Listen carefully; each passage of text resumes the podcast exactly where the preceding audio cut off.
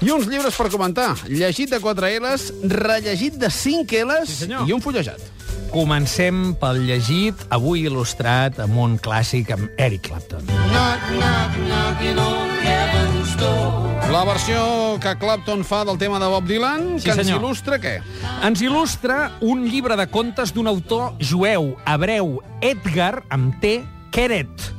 De sobte truquen a la porta, en traducció de l'anglès, no de l'hebreu, tot i que escriu en hebreu aquest senyor, de l'anglès al català d'Albert Torres Casana, a proa, i en castellà a Ciruela.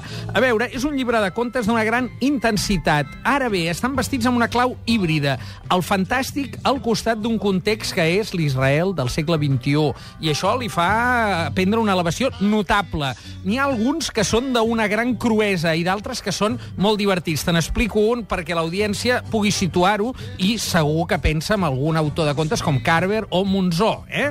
Un eh, nòvio, un noi, diguem, està fascinat perquè la seva noia, la seva xicota, sempre que arriba a l'orgasme, en el moment d'escorres, crida el seu nom Ari, Ari, Ari. Ella es diu Ari, és clar, i eh, de sobte comença a obsedir-se amb això i a dir, hosti, podria cridar alguna altra cosa? En fi, finalment aborda aquesta situació, eh, que és una situació de màxima intimitat i que ja la parella porta un cert temps, i aleshores la noia, de sobte, eh, pensa i mira enrere i diu, sempre ho he dit així. I ell li diu, home, i amb els altres nòvios, com, que, també deies Ari? Com anava la cosa? I llavors ella rumia, mira enrere i diu, és que tots els meus nòvios s'han dit Ari fins ara, i n'he tingut 18.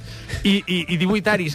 Tot pren un nou aire perquè resulta que tenen un veí que es diu Ari. I com ja Ai. pots imaginar, aquí la cosa ja comença a embolicar-se. Bé, sota aquesta aparença amable de conte, doncs, eh, bé, costumista, si tu vols, o urbà, de sobte ens trobem que, en algun cas, no en aquest, apareix amb tota la seva cruesa viure en un país en guerra, com Israel, i viure en una situació d'extrema inestabilitat, de presència d'armes, de pors, eh, hi ha molt de fantàstic, de vegades eh, jugat amb molta ironia, però que pren una, una fundària. Jo crec que aquest és un fet que el marca, no? L'emmarca dins d'una història que coneixem tots a través de les notícies i que és un dels conflictes tradicionals, diguem, del segle XX, que hem viscut amb més intensitat, i això fa que Edgar Keret sigui, diguem, una, uh, un autor traduït a moltes llengües, un autor que ara també podem llegir en català, amb aquest de sobte truquen a la porta, que eh, és eh, el conte que obre, que no explicaré, però que té una duresa, diguem,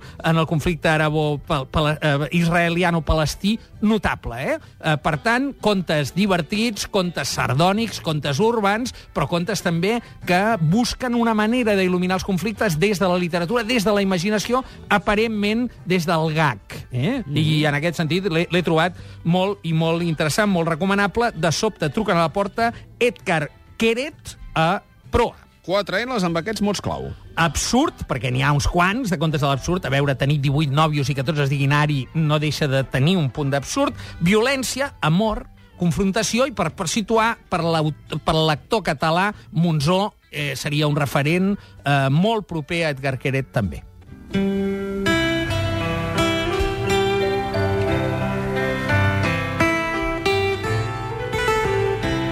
Waltem, de Local Hero, amb la versió no directa de l'Alchemy, sinó la d'estudi. Marc Knopfler ens il·lustra un cinqueles. Héroes, aventureros i cobardes. Sí, senyor, he buscat aquesta pau i tranquil·litat que hi ha aquí al darrere per il·lustrar un llibre que he de dir que m'ha sorprès i que m'ha fet preguntar com pot ser que fa 30 anys que visc i llegeixo en aquesta ciutat eh, tots els diaris i conec més o menys les plomes de per tot arreu i com no havia topat mai amb una ploma excelsa, t'he de dir excelsa, Carai. del Jacinto Antón. El Jacinto Antón, que escriu El País, que, en fi... Eh, eh, Doncs així no és rellegit, coses. és llegit. Uh, per mi és llegit, és rellegit per molta gent perquè hi ha cròniques aquí que ja havien passat, però per mi és llegit i descobert. Doncs Jacinto d'Anton fa un llibre, un llibraco, diguem, que es diu Héroes, Aventureros i Cobardes, i que parteix de eh, tot un seguit d'interessos els que han conduït la seva vida de 30 anys com a periodista cultural. Eh, aquí, ordenats d'una manera molt sàvia, partim des de l'antic Egipte, eh, Roma, l'arqueologia, fins al regne animal, la primatologia, passant per tota la història del segle XX, a la Segona Guerra Mundial, el nazisme.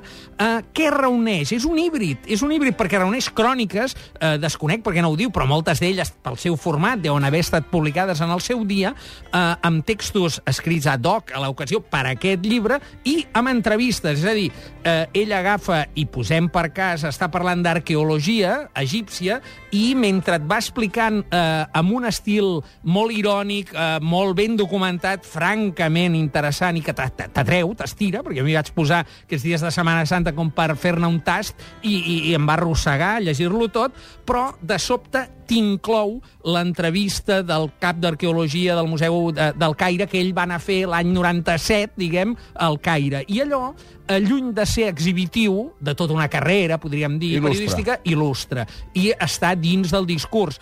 Quin és l'eix? Doncs el que diu el títol, Héroes, Aventureros i Cobardes. És molt important aquest contrapunt, no?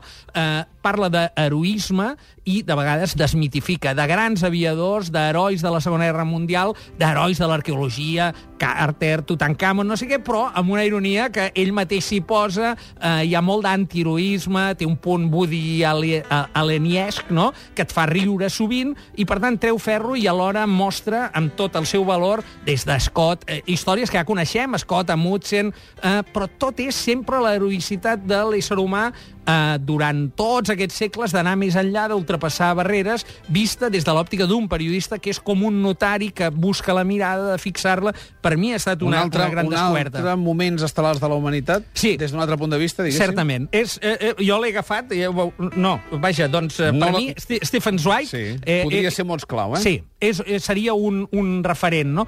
Perquè eh, està triat i, sobretot, està servit amb voluntat literària, però triat amb un gran rigor eh, documentalista perquè es veu que de cada tema del qual parla s'ha documentat profusament, ha llegit les biografies dels paios als quals va entrevistar, et diu les edicions que hi ha en anglès o en castellà perquè et situï si t'interessa i d'una manera amena. En algun moment hi està molt atapeït d'informació, en algun cas perquè eh, la, la informació li surt per les orelles, periodisme d'una època en la qual hi havia temps per documentar-se. Probablement, en aquest sentit, és un xoc amb el periodisme d'urgència al qual ens hem abocat. No?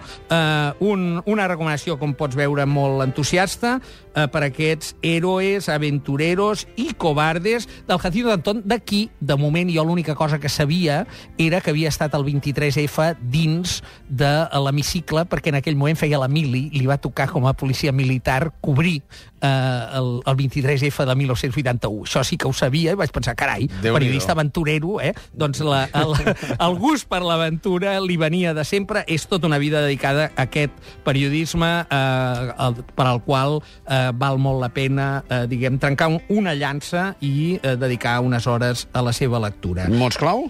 Documentació, punt de vista, coratge i, sobretot, sobretot, sobretot, aventura. El cucut és l'ocell bonic. El fullejat eh, s'il·lustra amb el cucut de Falsterbo 3. Sí, senyor, amb el doctor Estivill cantant en la llunyania. És per il·lustrar cucut, eh, sàtira política en temps trasbalsats, de Jaume Capdevila. Aquest és un llibre de regal, un llibre que està bé de cara al Sant Jordi, molt ben il·lustrat. Ara que parlàvem de periodisme, aquí és un periodisme satíric.